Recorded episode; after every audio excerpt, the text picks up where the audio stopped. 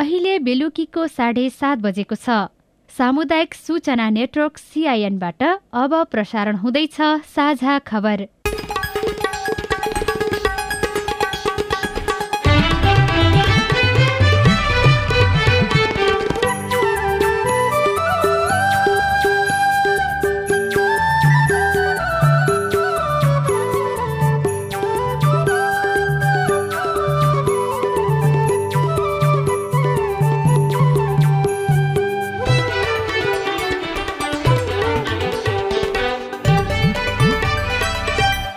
सिआइएनको साझा खबरबाट लील प्रकाश चन्दको नमस्कार। साझा खबर देशभरिका सामुदायिक radio CIN Khabar dot com र मोबाइल एप सिआइएनमा पनि सुन्न सकिन्छ।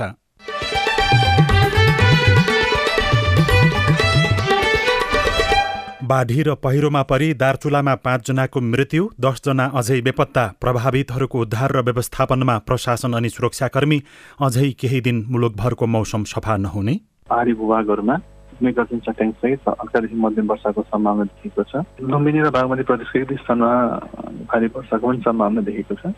प्रदेश र सङ्घको निर्वाचनका लागि छ लाख नमुना मतपत्र छपाई सकिँदै भोलिदेखि समानुपातिक मतपत्र छापिने प्रतिनिधि सभाको बैठक चार दिनपछि सारियो। दसवटा विधेयक राष्ट्रिय सभाले प्रक्रियामा लगेन। राष्ट्रिय सभाले गरेको यत्रो मेहनत परिश्रम सबै खेर जाने कुरालाई मध्यनजर गरेर राष्ट्रिय सभाले चाहिँ ती विधेयकहरूलाई प्रतिनिधि सभा नपठाएको हो। चीनसँगको नाकामा अड्किएका सामान छुटाउन सरकारले पहल नगरेको व्यवसायीको गुनासो। आज आत्महत्या रोकथाम दिवस व्यक्तिको व्यवहार चुनेर न्यूनीकरण गर्न सकिने विज्ञहरूको सुझाव।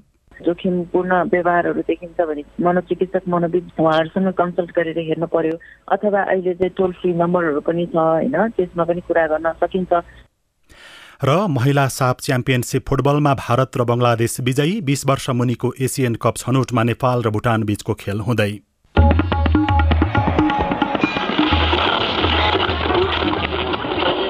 सयौं रेडियो। हजारौं रेडियो कर्मी र करोडौं नेपालीको माझमा यो हो सामुदायिक सूचना नेटवर्क सिआइएन दुई हजार अडसठी सालको कृषि गणना अनुसार देशका करिब अडतिस लाख घर परिवारको मुख्य पेसा कृषि छ। कृषिमा लाग्नेको संख्या बढ्दै गएको छ तर गत आर्थिक वर्षमा मात्रै सत्र अर्ब रुपियाँभन्दा बढीको हरियो तरकारी आयात गरिएको छ। नेपाली किसानले उत्पादन गरेका कृषि उपज संकलन गर्न सरकारले यसपालि बजेटको व्यवस्था पनि गरेको छ। समयमै काम हुने हो भने आन्तरिक उत्पादनमा किसान पनि उत्साहित हुने थिए। सरोकारवाला निकायको ध्यान संकलन केन्द्र निर्माणमा जानुपर्छ। अब खबर शोभिता रिसालबाट दार्चुलामा बाढी र पहिरोमा परि मृत्यु हुनेको संख्या पाँच पुगेको छ। गैराती परेको अविरल वर्षाले नौगाड गाउँपालिका दुई सल्लाह गाउँमा आएको बाढी र पहिरोमा परेर पाँचजनाको मृत्यु भएको जिल्ला प्रहरी कार्यालय दार्चुलाले जनाएको छ। महाकाली तिनका मानवर्ती कार्की महाकाली दुईका नन्दराम बोहरा नौगाड दुईका मोहनराम पार्की नौगाड एकका जानकी ठगुन्ना र धनमती ठगुन्नाको मृत्यु भएको जिल्ला प्रहरी कार्यालय दार्चुलाले जनाएको छ। पहिरोमा पुरिएर चारजनाको र बाढीले बगाएर एकजनाको मृत्यु भएको हो। बाढी र पहिरोमा परेर अझै पनि दसजना बेपत्ता रहेका छन्। उनीहरूको खोजी कार्य जारी रहेको पनि प्रहरीले जनाएको छ। महाकाली नदी र लस्कु नदीमा आएको बाढीले महाकाली नगरपालिका वडा नम्बर दुई तीन चारका एघारवटा घर पूर्ण रूपमा बगाएको छ। महाकालीमा आएको बाढीले लस्कु नदीको बहाव छेक्दा वरपरका घर पनि जोखिममा परेका छन्। हाल बाढीका कारण अप्ठ्यारोमा परेकाहरूलाई राहत र उद्धारको काम भइरहेको स्थानीय प्रशासनले जनाएको छ तर पीडितहरूले भने आफूहरूलाई खान र बस्नको व्यवस्थापन नभएको गुनासो गरेका छन्। मनसुन सक्रिय भएकाले अबको तीन दिन पानी पर्ने क्रम हिजो अस्तिको भन्दा अझै पनि बढ्ने मौसमविदहरूले बताएका छन्। आज राति देशका विभिन्न ठाउँमा हल्कादेखि मध्यम वर्षा हुँदा एक दुई स्थानमा भने भारी वर्षा हुने सम्भावना रहेको मौसम पूर्वानुमान महाशाखाले जनाएको छ। सिआइएनसँग कुराकानी गर्दै महाशाखाका वरिष्ठ मौसमविद राजुधर प्रधानाङ्गले मनसुन सकिन अझै एक महिना बाँकी रहेकाले पानी पर्ने र रोकिने क्रम चलि नै रहने बताउनुभयो। यो नेपालमा चाहिँ यति बेला बङ्गालको खाडीबाट आइरहेको पूर्वी वायुको प्रभाव जलवाष्पयुक्त पूर्वी वायुको प्रभाव पनि रहेको छ। त्यो हुनाले यो हल्कादेखि मध्यम वर्षाको सम्भावना त रहन्छ नि। यद्यपि एक स्थानमा भारी वर्षाको सम्भावना चाहिँ नजान सकिँदैन। आज रातिको मौसमी अवस्था हेर्दाखेरि विशेष गरी यो पहाडी भूभागहरूमा मेगाजिन चट्याङ सहित हल्कादेखि मध्यम वर्षाको सम्भावना देखिएको छ। लुम्बिनी र बागमती प्रदेशको एक स्थानमा भारी वर्षाको पनि सम्भावना देखिएको छ। पानी पर्योसँगै बाढी र पहिरोको जोखिम पनि बढ्ने भएकाले सचेत रहन विज्ञहरूले नागरिकलाई अनुरोध गरेका छन्।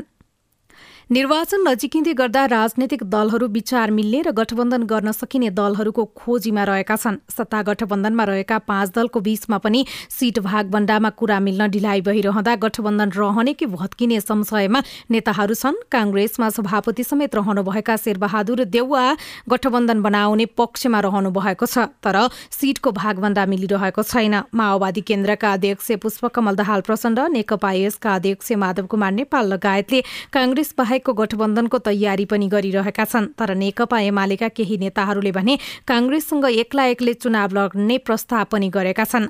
एक्ला एक्लै लडेको खण्डमा आफूले माओवादी केन्द्रसँग तालमेल नगर्ने प्रस्ताव पनि एमाले काङ्ग्रेसलाई गरेको छ तर पाएसम्म विचार मिल्ने दलसँग तालमेल गर्ने र बढीभन्दा बढी सिट जित्ने कोसिस भने एमाले गरिरहेको छ। सिआइएनसँग कुरा गर्दै एमाले नेता सुभाष चन्द्र नेमुवाङले सम्भव भएका दलसँग तालमेल गरेर जाने बताउनुभयो। कुनै पार्टीभित्र खेलेर गैर कानुनी ढङ्गले विभाजन गर्ने कुरामा हामीलाई विश्वास छैन। छलफलहरू के का लागि भइराखेका छन्? राप्रपासँग एक ढङ्गबाट जाने भन्ने बारेमा छलफल चलेको छ पनि भनिन्छ। वास्तविकता चाहिँ के हो? प्रधानमन्त्री शेरबहादुर देउबाजीसँग पनि गएर भेट्यौँ। नेपाली काङ्ग्रेसका मन्त्रीजीहरूसँग हाम्रो भेटघाट भइरहेको छ। शेखरजी लगायतका नेताहरूसँग पनि हामी बेला बेलामा भेट गर्छौँ। यस्तो निर्वाचनको बेलामा विचार मिल्ने व्यवहार मिल्ने साथीभाइहरूसँग छलफल गर्नु अचम्मको कुरा होइन। संसदका राजनीतिक दलहरू जस्तो लोसपादेखि लिएर विभिन्न दलहरूसँग पनि हामी सम्पर्कमा छौँ। कमल थापाजीहरू लिङदेनजीहरू उहाँहरूसँग छलफलमा छौँ। प्रतिनिधि सभाको पाँच वर्ष कार्यकाल सकिन एक हप्ता मात्रै बाँकी रहेसँगै राष्ट्रिय सभाले उत्पत्ति गरेका दसवटा विधेयक अगाडि नबढ्ने भएका छन्। प्रतिनिधि सभामा यी विधेयक पठाउने हो भने प्रक्रिया पूरा गरेर राष्ट्रिय सभामा नै पठाउनुपर्छ। विधेयक उत्पत्ति भइसकेपछि अध्यक्ष गणेश प्रसाद तिमल सिन्हाले विषयगत मन्त्रीसँग प्रतिनिधि सभामा पठाउने वा के गर्ने भन्ने बारेमा छलफल गर्नुभएको थियो। सम्बन्धित मन्त्रीहरूले छोटो समय भएका कारण प्रक्रिया पूरा गरेर फिर्ता पठाउने निश्चित नभएको जवाफ दिएका छन्। अख्तियार दुरूपयोग भ्रष्टाचार निवारण विद्युत सुरक्षण मुद्रण खाद्य स्वच्छता अभिलेख संरक्षण सार्वजनिक सेवा प्रसारण शपथ ग्रहण अनुगमन तथा मूल्याङ्कन र प्रतिलिपि अधिकार पहिलो संशोधन सम्बन्धी विधेयक रोक्नु परेको संसद सचिवालयका सहप्रवक्ता दशरथ धमलाले सीआईएनसँग बताउनुभयो। सभामा विचार गरियो हुन्छ छलफल हुन्छ त्यसलाई चाहिँ संशोधनको म्याद हुन्छ त्यसमा दफावार समितिमा पठाउने अवस्था पनि रहन सक्छ पठाइयो भने समिति र प्रतिवेदन पेश गरेर सभामा आउनु पर्यो। सभाले त्यसलाई फेरि छलफल गरेर पारित गर्नु पर्यो। त्यो सबै प्रक्रिया गर्न पुरा गर्न केही समय लाग्न सक्छ। त्यसैले प्रतिनिधि सभाको अब कार्यकाल सकिँदैछ प्रतिनिधि सभा पठायो भने हाम्रो संवैधानिक व्यवस्था अनुसार चाहिँ प्रतिनिधि सभामा विचार दिनुभएका विधेयकहरू पनि निष्क्रिय हुने व्यवस्था छ। त्यसैले राष्ट्रिय सभाले गरेको यत्रो मेहनत परिश्रम सबै खेर जाने कुरालाई मध्यनजर गरेर राष्ट्रिय सभाले ती विधेयकहरूलाई प्रतिनिधि सभा नपठाएको हो। संसदको वर्षीय अधिवेशन शुरू भएसँगै राष्ट्रिय सभाको बैठक चालिस दिनमा पैंतालिस पटक बसेको छ। सरकारले ल्याएका आठवटा अध्यादेश बैठकबाट स्वीकृत भएका छन् भने राष्ट्रिय सूचना आयोग सहित चौधवटा संवैधानिक निकायका प्रतिवेदन पेश भए भने पेट्रोलियम पदार्थको मूल्य निर्धारणका सम्बन्धमा र संघीयता कार्यान्वयनका सम्बन्धमा सार्वजनिक महत्वको प्रस्तावमा संकल्प प्रस्ताव पनि राष्ट्रिय सभाले पारित गरेको छ। आगामी संघीय निर्वाचनका लागि निर्वाचन आयोगले भोलिबाट मात्रै समानुपातिक तर्फको मतपत्र छपाई शुरू गर्ने भएको छ। आज रातिसम्म नमूना मतपत्र छपाई नसकिने भएका कारण भोलिबाट वास्तविक मतपत्र छपाईको काम शुरू गरिने आयोगका प्रवक्ता शालिग्राम शर्मा पौडेलले सीआईएनसँग बताउनुभयो। उहाँका अनुसार समानुपातिकको चार करोड़ मतपत्र छाप्नका लागि करिब एक महिनाको समय लाग्नेछ। आजसम्म अथवा भोलि बिहानसम्म सकिन्छ अनि त्यसपछि अन्य मतपत्र छपाई सुरु हुन्छ। नमुना एउटा त मतदाता शिक्षाको लागि काम लाग्छ। अर्को कुरा मेसिन टेस्टिङहरू हुन्छ। केही बिग्रिने भए पनि नमुनामा बिग्रिन्छ। किनभने मेनमा बिग्रिनु भएन। अनि मेसिनले कस्तो तान्छ? मसीको तपाईँको त्यो मिक्सअप सिस्टम कस्तो छ? टेस्टिङ लगायतका धेरै कुराहरू अगाडि बढ्छ र ओरिजिनल मतपत्रमा अनि कुनै खालको त्रुटिहरू आउँदैन। आयोगले प्रदेश र प्रतिनिधि सभाको निर्वाचनको लागि छ लाख नमुना मतपत्र छाप्दैछ। नमुना मतपत्र मतदाता शिक्षाका लागि प्रयोग गरिने पनि आयोगले जनाएको छ। आज आत्महत्या रोकथाम दिवस सचेतनामूलक अन्तर्क्रिया तथा छलफल गरेर नेपालमा पनि मनाइएको छ। विज्ञहरूले मानसिक स्वास्थ्य समस्याको समयमा नै पहिचान भएमा आत्महत्याका घटना न्यूनीकरण गर्न सकिने बताउने गरेका छन्। सीआईएनसँग कुराकानी गर्दै मनोविद करूणा कुँवरले आत्महत्याको सोच आएका व्यक्तिकोले परिवारका सदस्य साथीभाइ आफन्तसँगको कुराकानीमा त्यस्तो भाव व्यक्त गर्न सक्ने उल्लेख गर्दै उनीहरूका कुरा सुनेर छलफल गरेर सहयोग गर्नुपर्ने बताउनुभयो। गरिरहने क्रियाकलापमा उसलाई रुचि हुन छाड्ने होइन? अचानक उसले अफिस छोड्छु भन्ने या छोड्न खोज्ने राति धेरै निराउने ननिराउने खानपिनमा पनि तलमाथि हुने आत्महत्याको बारेमा धेरै कुराहरू गरिरहेको पाइने दुखी देखिने जस्ता खालका गतिविधिहरूले चाहिँ गम्भीर हुन सक्छ कि भन्ने कुराहरू हो र छोराछोरी छ या राम्रो छ लाइफ जीवन यस्तो छ उस्तो छ भनेर सम्झाउने प्रयासहरू चाहिँ धेरै गरेको हुँदाखेरि चाहिँ झन् आत्महत्याको जोखिम बढ्न सक्छ होइन? जोखिमपूर्ण व्यवहारहरू देखिन्छ भने मनोचिकित्सक मनोविद उहाँहरूसँग कन्सल्ट गरेर हेर्नु पर्यो। अथवा अहिले चाहिँ टोल फ्री नम्बरहरू पनि छ होइन? त्यसमा पनि कुरा गर्न सकिन्छ। होइन भनेदेखि चाहिँ कहिले चाहिँ कस्तो पनि हुन्छ भने निराशा चाहिँ देखिँदैन। तर उसले कहिलेको कुरा गरिरहेको जीवन चाहिँ व्यर्थ भनेको या उसको जीवनमा कुनै खालको घटना ठुलो घटनाहरू भइरहेको कुराले गर्दाखेरि चाहिँ उसलाई गाह्रो भइरहेको हुनसक्छ भन्ने कुरामा चाहिँ परिवारका सदस्य या अरू साथीभाइले चाहिँ बुझ्नु जरुरी छ। राष्ट्रिय आत्महत्या रोकथामका लागि व्यवस्था गरिएको एघार छैसठीमा फोन गरेर आफूलाई परेको समस्याका बारेमा जानकारी लिन र परामर्श पनि लिन सकिन्छ। नेपाल प्रहरीको तथ्याङ्क अनुसार नेपालमा वर्षेनी छ हजार भन्दा धेरैको आत्महत्याको घटना हुने गरेको छ। साझा खबरमा अब खेल खबर। बीस वर्ष मुनिको युएफसी एसियन कप छनौटको पहिलो खेलमा नेपालले आज भुटानसँग प्रतिस्पर्धा गर्दैछ। खेल बहराइनीस्थित Sheikh Ali bin Mohammed Al Khalifa रङ्गोशालामा राति पाउने नौ बजे सुरु हुनेछ। नवौं राष्ट्रिय खेलकुदको पुरूष क्रिकेट प्रतियोगिता अन्तर्गत आज हुने भनिएका तीनवटै खेल रद्द भएका छन्। वर्षाका कारण र आजका लागि तय भएका गण्डकी प्रदेश र त्रिभुवन आर्मी क्लब प्रदेश एक र सशस्त्र प्रहरीको एपीएफ क्लब तथा मध्य प्रदेश र लुम्बिनी प्रदेश बीच हुने भनिएको खेल रद्द भएका हुन्। गण्डकी प्रदेशमा आयोजना हुने नवौं राष्ट्रिय खेलकुद असोज अठाइस गतेदेखि कार्तिक तीन गतेसम्म आयोजना हुनेछ। तर पुरूष क्रिकेट भने त्रिवी मैदान र मुलपानी मैदानमा अगाडि नै आयोजना भइरहेको हो र नेपालमा जारी छैठौं संस्करणको महिला साफ च्याम्पियनसिप फुटबलमा भारत र बंगलादेश विजयी भएका छन्। दशरथ रङ्गशालामा केही बेर अघि सकिएको खेलमा भारतले मालदिप्सलाई नौ शून्य गोल अन्तरले हराएको छ। यस्तै आजै भएको पहिलो खेलमा बंगलादेशले पाकिस्तानलाई छ शून्य गोलले हराएको हो। प्रतियोगितामा आयोजक नेपालसहित भारत श्रीलङ्का भुटान पाक बंगलादेश पाकिस्तान र मालदिप्स सहभागी रहेका छन्।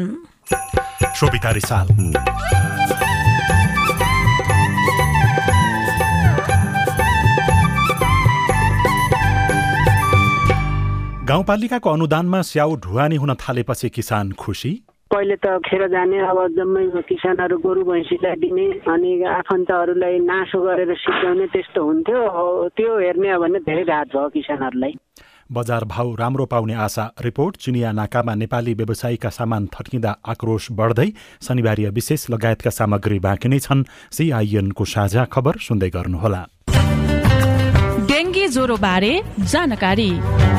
डेङ्गी ज्वरो लामखुट्टेको टोकाइबाट सर्ने एक किसिमको सरुवा रोग हो। वर्षातको मौसम सुरु भएपछि डेङ्गी ज्वरोको प्रकोप बढ्न थाल्दछ। यो रोग नेपालका विभिन्न ठाउँहरूमा देखा परिरहेको छ। डेङ्गी ज्वरोका लक्षणहरू। एक्कासी तिनदेखि पाँच दिनसम्म उच्च ज्वरो आउने। धेरै टाउको दुख्ने आँखाको गेडी दुख्ने शरीरमा डाबरहरू आउने खानामा अरुचि हुने जोर्नी तथा मांसपेशीहरू बेसरी दुख्ने र पेट तथा आन्द्राको समस्या हुने। डेङ्गी ज्वरोको संक्रमणबाट बस्ने उपायहरू। लामखुट्टेको टोकाइबाट जोगिन पुरा शरीर ढाकिने गरी कपडा लगाउने राति सुत्ने बेला झुलको प्रयोग गर्ने लामखुट्टेको टोकाइबाट जोगिन मलम लगाउने घर वरपर तथा खेतबारीमा काम गर्न जाँदा पुरा बाहुला भएको कपडा तथा मलम लगाएर जाने। झ्याल ढोकामा जाली लगाउने र बन्द राख्ने। पानी राख्ने भाँडाहरू सधैँ छोपेर राख्ने। घर वरपर पानी जम्न नदिने। खाल्डा खुल्डीहरू पुर्ने र घर आँगन सफा राख्ने। लामखुट्टेलाई फुल पार्न नदिनको लागि एउटै ठाउँ वा भाँडोमा पानी जम्मा गरेर नराख्ने। पुराना टायर पानी जम्न सक्ने भाँडाकुँडा बट्टा खाल्टो खनेर पुर्ने वा नष्ट गर्ने। साथसाथै गमला वा फुलदानी एयर कुलर जस्ता पानी जम्ने सामग्रीको पानी हप्तामा एक पटक नियमित रूपमा सुक्खा हुने गरी सफा गर्ने। डेङ्गी ज्वरोका लक्षणहरू देखिएमा तुरन्त नजिकको स्वास्थ्य संस्था वा स्वास्थ्य कर्मीबाट परामर्श लिनुहोस्।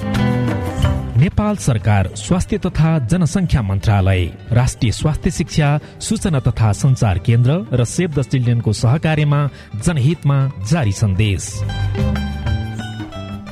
सामाजिक रूपान्तरणका लागि यो हो सामुदायिक सूचना नेटवर्क सिआइएन तपाईँ सामुदायिक सूचना नेटवर्क सिआइएनले तयार पारेको साझा खबर सुन्दै हुनुहुन्छ। बेपत्ता पारिएका व्यक्तिको छानबिन सत्यनिरूपण तथा मेलमिलाप आयोग ऐन दुई हजार एकहत्तरलाई संशोधन गर्न बनेको विधेयकलाई अब बस्ने प्रतिनिधि सभाको बैठकमा पेश गरिने भएको छ। कानून न्याय तथा मानव अधिकार समितिले विधेयकका संशोधनकर्ता पीडित सरोकारवाला र मानव अधिकार सम्बन्धी सम्बन्धी सङ्घ संस्थाका पदाधिकारीसँग राय सुझाव तथा परामर्श लिएपछि सदनमा पेश गर्ने निर्णय गरेको हो। आज आज दिउँसो एक बजेका लागि बोलाइएको प्रतिनिधि सभाको बैठक भने चार दिनपछि सारिएको छ। संसद सचिवालयले सूचना जारी गर्दै बैठक विशेष कारणले स्थगित गरिएको। अब अर्को बैठक दुई हजार उनासी साल भदौ उन्तिस गते बुधबार बिहान एघार बजे बस्ने जानकारी दिइएको छ। रूपन्देहीको बुटवलमा रहेको लुम्बिनी प्रादेशिक अस्पताल न्यूनतम सेवा मापदण्ड मूल्याङ्कनमा पहिलो भएको छ।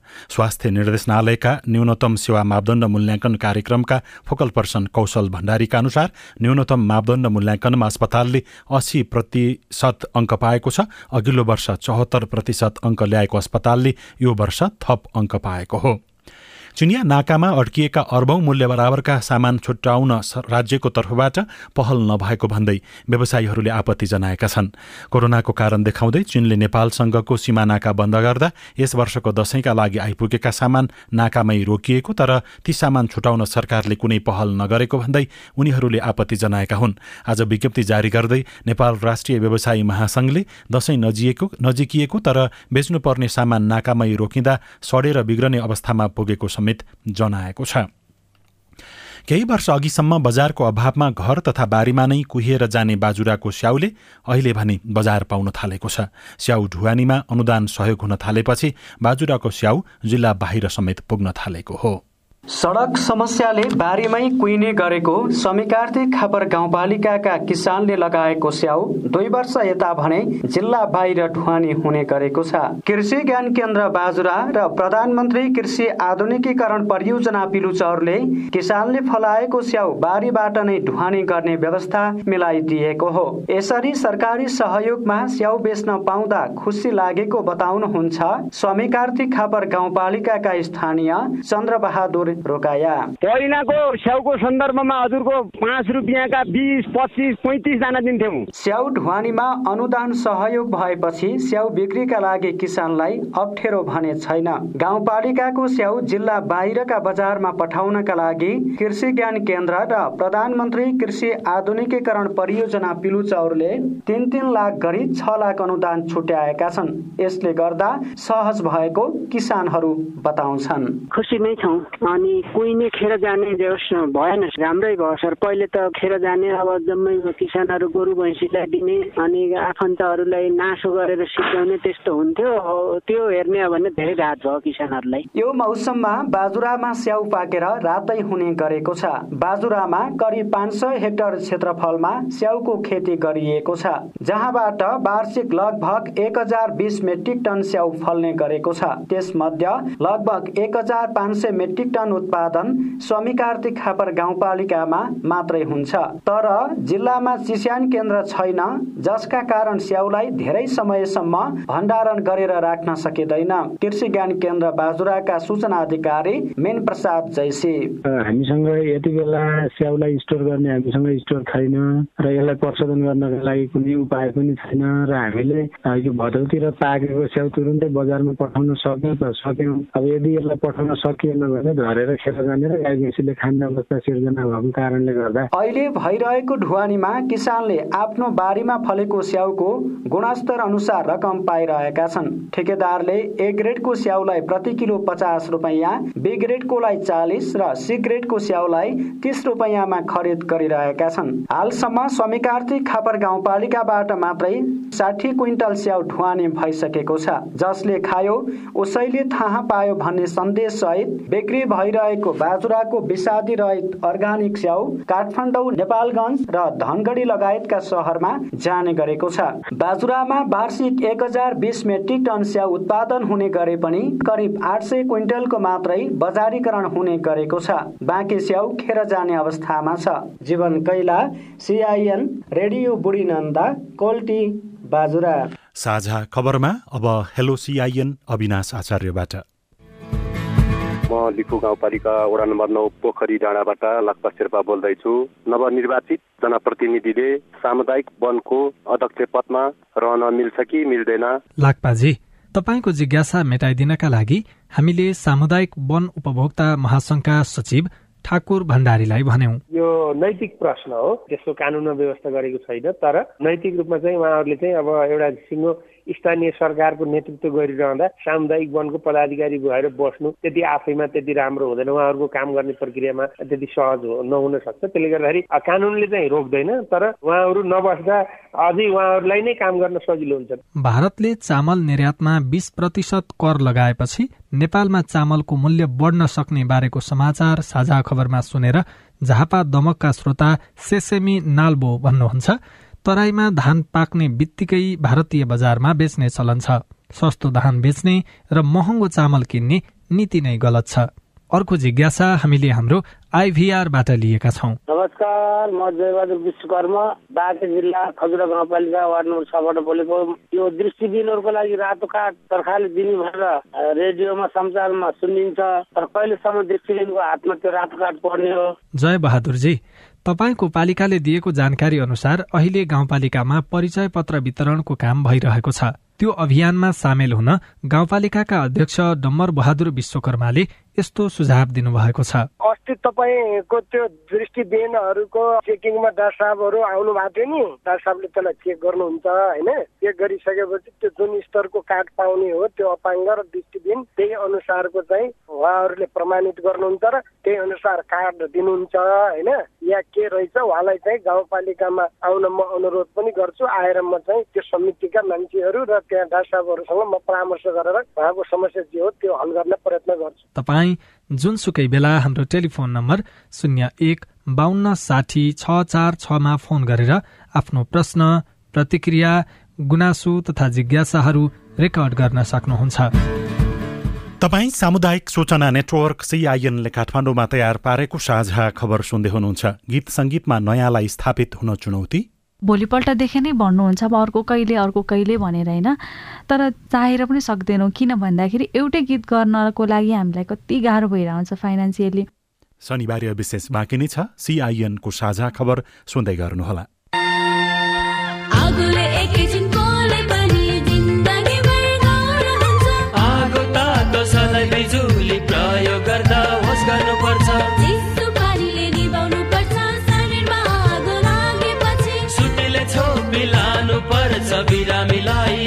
बिरामीलाई स्वास्थ्य चौकी। नानी हो हुन्न भान्सामा खेल्नु तातो र बलले सामान हुन्छ। होस गरी चलाऊ स्टोभ र ग्यास भुइँमा पकाए दुर्घटना बढ्छ। अग्निजन्य दुर्घटना भएमा शून्य एक पचपन्न पचपन्न छ आठ नौमा सम्पर्क गर्नुहोस्। बिबिएस नेपाल ललितपुर। सामाजिक रूपान्तरणका लागि यो हो सामुदायिक सूचना नेटवर्क सिआइएन तपाईँ सामुदायिक सूचना नेटवर्क सिआइएनले काठमाडौँमा तयार पारेको साझा खबर सुन्दै हुनुहुन्छ। अब शनिबार विशेष नेपाल सङ्गीत जति व्यावसायिक र फ्राकिलो बन्दै गएको छ उति नै नयाँ कलाकार पनि थपिने गरेका छन्। भविष्य खोज्दै सुरताल पछ्याइरहेकाहरूलाई भने स्थापित हुन त्यति सजिलो छैन। नाच्न त मन थियो राधा पिया रे मलाई नाच्न त मन थियो राधा पिया रे पावैमा पाउजो छैन गीत मात्रै चर्चामा छैन गायिका स्वस्तिका ढकालको व्यस्तता पनि बढेको छ। राधा पिया रे मलाई भन्न त मन छैन। राधा पिया रे सिरैको स्वामी पर तीज लक्षित गीतले स्वस्तिकालाई नेपाली सङ्गीत बजारमा अलग पहिचान दियो। तर यो पहिचानका पछाडि अथक मेहनत र सङ्घर्षको कथा छ। स्वस्तिकालाई गीतप्रतिको झुकाव सानै उमेरदेखि थियो। रेडियो सुनिरहने बानीले पनि गीत सङ्गीतको मोह अझ बढायो। तिन कक्षामा पढ्थेँ होला होइन? त्यो बेलामा चाहिँ यस्तो एउटा सामुदायिक रेडियो थियो हाम्रो। त्यो बेला चाहिँ रेडियो मनोकामना भनेर थियो। अनि त्यो बेलामा चाहिँ शनिबार शनिबार एकदमै धेरै बच्चाहरू जम्मा भएर आउनुहुन्थ्यो। रेडियोमै कहाँ कहाँदेखिबाट आउनुहुन्थ्यो हिँडेर? त्यो बेला अब रेडियो भनेको त्यही एउटा मात्रै थियो। त्यो बेलामा मैले गीत गाएको थियो एउटा टिकुली है मेरो टल्ला टल्ला भन्ने गीत। अहिले सुनाउ न टेकुले है मेरो टाला टाला टाला कनालाई जो बना है मेरो ढाला। विद्यालयमा साथी सङ्गी र शिक्षकका माझमा स्वस्तिका लोकप्रिय गायिका हुनुहुन्थ्यो। सुरिलो स्वरमा गीत गाएपछि स्याबासी नपाउने कुरै भएन। विद्यालयमा भइरहने कार्यक्रमहरू स्वस्तिकालाई थप मेहनत गर्न प्रेरित गर्ने माध्यम बने। एट नाइन क्लासतिर होला प्यारेन्ट्स डेको दिनमा चाहिँ एकजना मेरो नेपाली टिचर हुनुहुन्थ्यो। उहाँले चाहिँ मलाई सङ्गीतको केही बेसी कुराहरू सिकाउनु भएको थियो अनि मलाई मादली बजाउनु सिकाउनु भएको थियो। त्यो बेलामा चाहिँ एउटा गीत हामीले गाएको थियौँ ग्रुपमै गाएको थियौँ सायद। फर्स्ट स्टेज टेकेको भनेको चाहिँ त्यही टाइम हो। चोली राम्रो पाल पाले ढाकाको हेराइ राम्रो मायालो आँखाको झेल्के मजुरा विद्यालय तहको पढाइपछि स्वस्तिकाले सङ्गीतको कक्षा पनि लिनुभयो। गुरुको सामिप्यमा पुगेपछि कला र गलामा निखारता नआउने कुरै भएन। उहाँलाई मेहनतले नेपाल आइडलको आँगनसम्म पुर्यायो। प्रतिस्पर्धामा केही कदम पछि परे पनि वास्तविक सङ्गीतको धरातल बुझ्ने मौका मिल्यो अनि सुरु भए सङ्घर्षका नवीन यात्राहरू। त्यो बेलामा चाहिँ मैले धेरै कुराहरू सिकेँ। सो रियालिटी सोमा देखेको जस्तो छेडिक एउटा हाइप जस्तो नहुँदो रहेछ होइन? धेरै नै गर्नुपर्ने रहेछ। आफ्नै बलबुतामा हुन आफैले नै जेरोबाट स्टार्ट भएर गर्नुपर्ने रहेछ भन्ने कुरा जब मलाई महसुस भयो त्यो बेलामा चाहिँ मैले एउटा आफैले गीत पनि गरेँ फर्स्ट जुन सङ्ग थियो त्यही बेलादेखि नै हो मैले चाहिँ अब म आफैले व्यावसायिक रूपमा गर्नुपर्छ भनेर सोचेको। कसले भन्यो तिमीलाई तिम्रोमा हुने छैन। कसले भन्यो तिम्रो दुःखमा अब म रुने छैन। मकवानपुरबाट काठमाडौँ आएर जागिर गर्दै सङ्गीतमा टिकिरहन सजिलो छैन। अझ स्वस्तिकालाई अरूभन्दा फरक बन्नु छ। सङ्गीतले आत्मसन्तुष्टि दिए पनि गुजारा चलाउने उपाय भने दिएको छैन। दर्शक श्रोताहरूले त एक्सपेक्ट त गर्नुहुन्छ। अब एउटा गीत आयो अब नेक्स्ट कहिले अब भोलिपल्टदेखि नै भन्नुहुन्छ। अब अर्को कहिले अर्को कहिले भनेर होइन? तर त्यो माया हो। अभियसली उहाँहरूले म प्रति देखाउनु भएको मेरो वेल विसरहरू हुनुहुन्छ मेरो राम्रैकै लागि मेरो गीतहरू सुन्नको लागि भन्नुभयो हो। तर त्यसलाई हामीले कति हदसम्म चाहेर पनि सक्दैनौँ। किन भन्दाखेरि एउटै गीत गर्नको लागि हामीलाई कति गाह्रो भइरहन्छ फाइनेन्सियली त्यो बेलामा चाहिँ अलिकति फिल हुन्छ। गोजी पनि भरिनुपर्छ र दर्शक श्रोताहरूको मन पनि भरिनुपर्छ भने अहिलेको सङ्गीत बजार एउटा गीत चर्चित भएपछि त्यसैको टेको टेकेर वर्षौंसम्म रजगज गर्नेहरूको भिडले घेरिएको छ। तर स्वस्तिका चर्चामा आउनु मात्रै सफलता मान्नुहुन्न। बरु बिस्तारै भएको प्रगति दिगो हुने उहाँको बुझाइ छ। कतिखेर हिट भइन्छ कतिखेर दर्शकहरूले श्रोताहरूले चाहिँ कहाँ पुर्याइदिनुहुन्छ भन्ने नै अहिले फिक्सै छैन होइन? जस्तो म अरूको कुरा गर्दिनँ म मेरै कुरा गर्छु। आज म जुन स्टेजमा छु जतिजनाले मलाई चिन्नुहुन्छ अब भोलिकै दिनदेखिबाट मेरो गीत चाहिँ एकदमै भाइरल भएर म माथि पुगेँ भने अब त्यो मैले आफ्नो केही हदसम्म आफूलाई त्यो सम्हाल्न नि सक्दिनँ होला कि सायद होइन? त्यो भएपछि फेरि पर्सिको दिनदेखिबाट अर्कै जर्नी सुरु हुनसक्छ। एकदम यो राम्रो छ चलेको छ भनेर मलाई चाहिँ धेरै कामहरू पनि दिन होइन अपर्च्युनिटीहरू पाउन सक्छु मैले। त्यो बेलामा चाहिँ मैले उहाँहरूले एक्सपेक्ट गर्नु भए जति मैले दिन सकिनँ त्यस्तो गाउन सकिनँ। मलाई नलेजै छैन भने मैले सिकेकै छैन भने मैले गाउन सक्दिनँ नि त धेरै हदसम्म नेपाली सङ्गीत बजारमा प्रतिस्पर्धा बढिरहेको छ। त्यसैले नयाँ पुस्ताले सिकेर आउनुपर्ने उहाँको सुझाव छ। उहाँ आफू पनि सकुन्जेल सङ्गीतमा लागिरहने र सिकिरहने बताउनुहुन्छ। म आफूलाई चाहिँ नेपाली सङ्गीत बजारमा स्थापित गराउनको लागि चाहिँ एकदम क्रियाशील र सक्रिय छु। थाहा छैन मलाई कुन हदसम्म म सफल हुन्छु हुँदिनँ। अभियसली म धेरै नै हिट भयो भने मैले ओर्लिनु नै पर्छ झर्नु पर्छ पर्छ र म जहाँसम्म पुगेँ भने पनि म सङ्गीत चाहिँ छोड्ने छैन।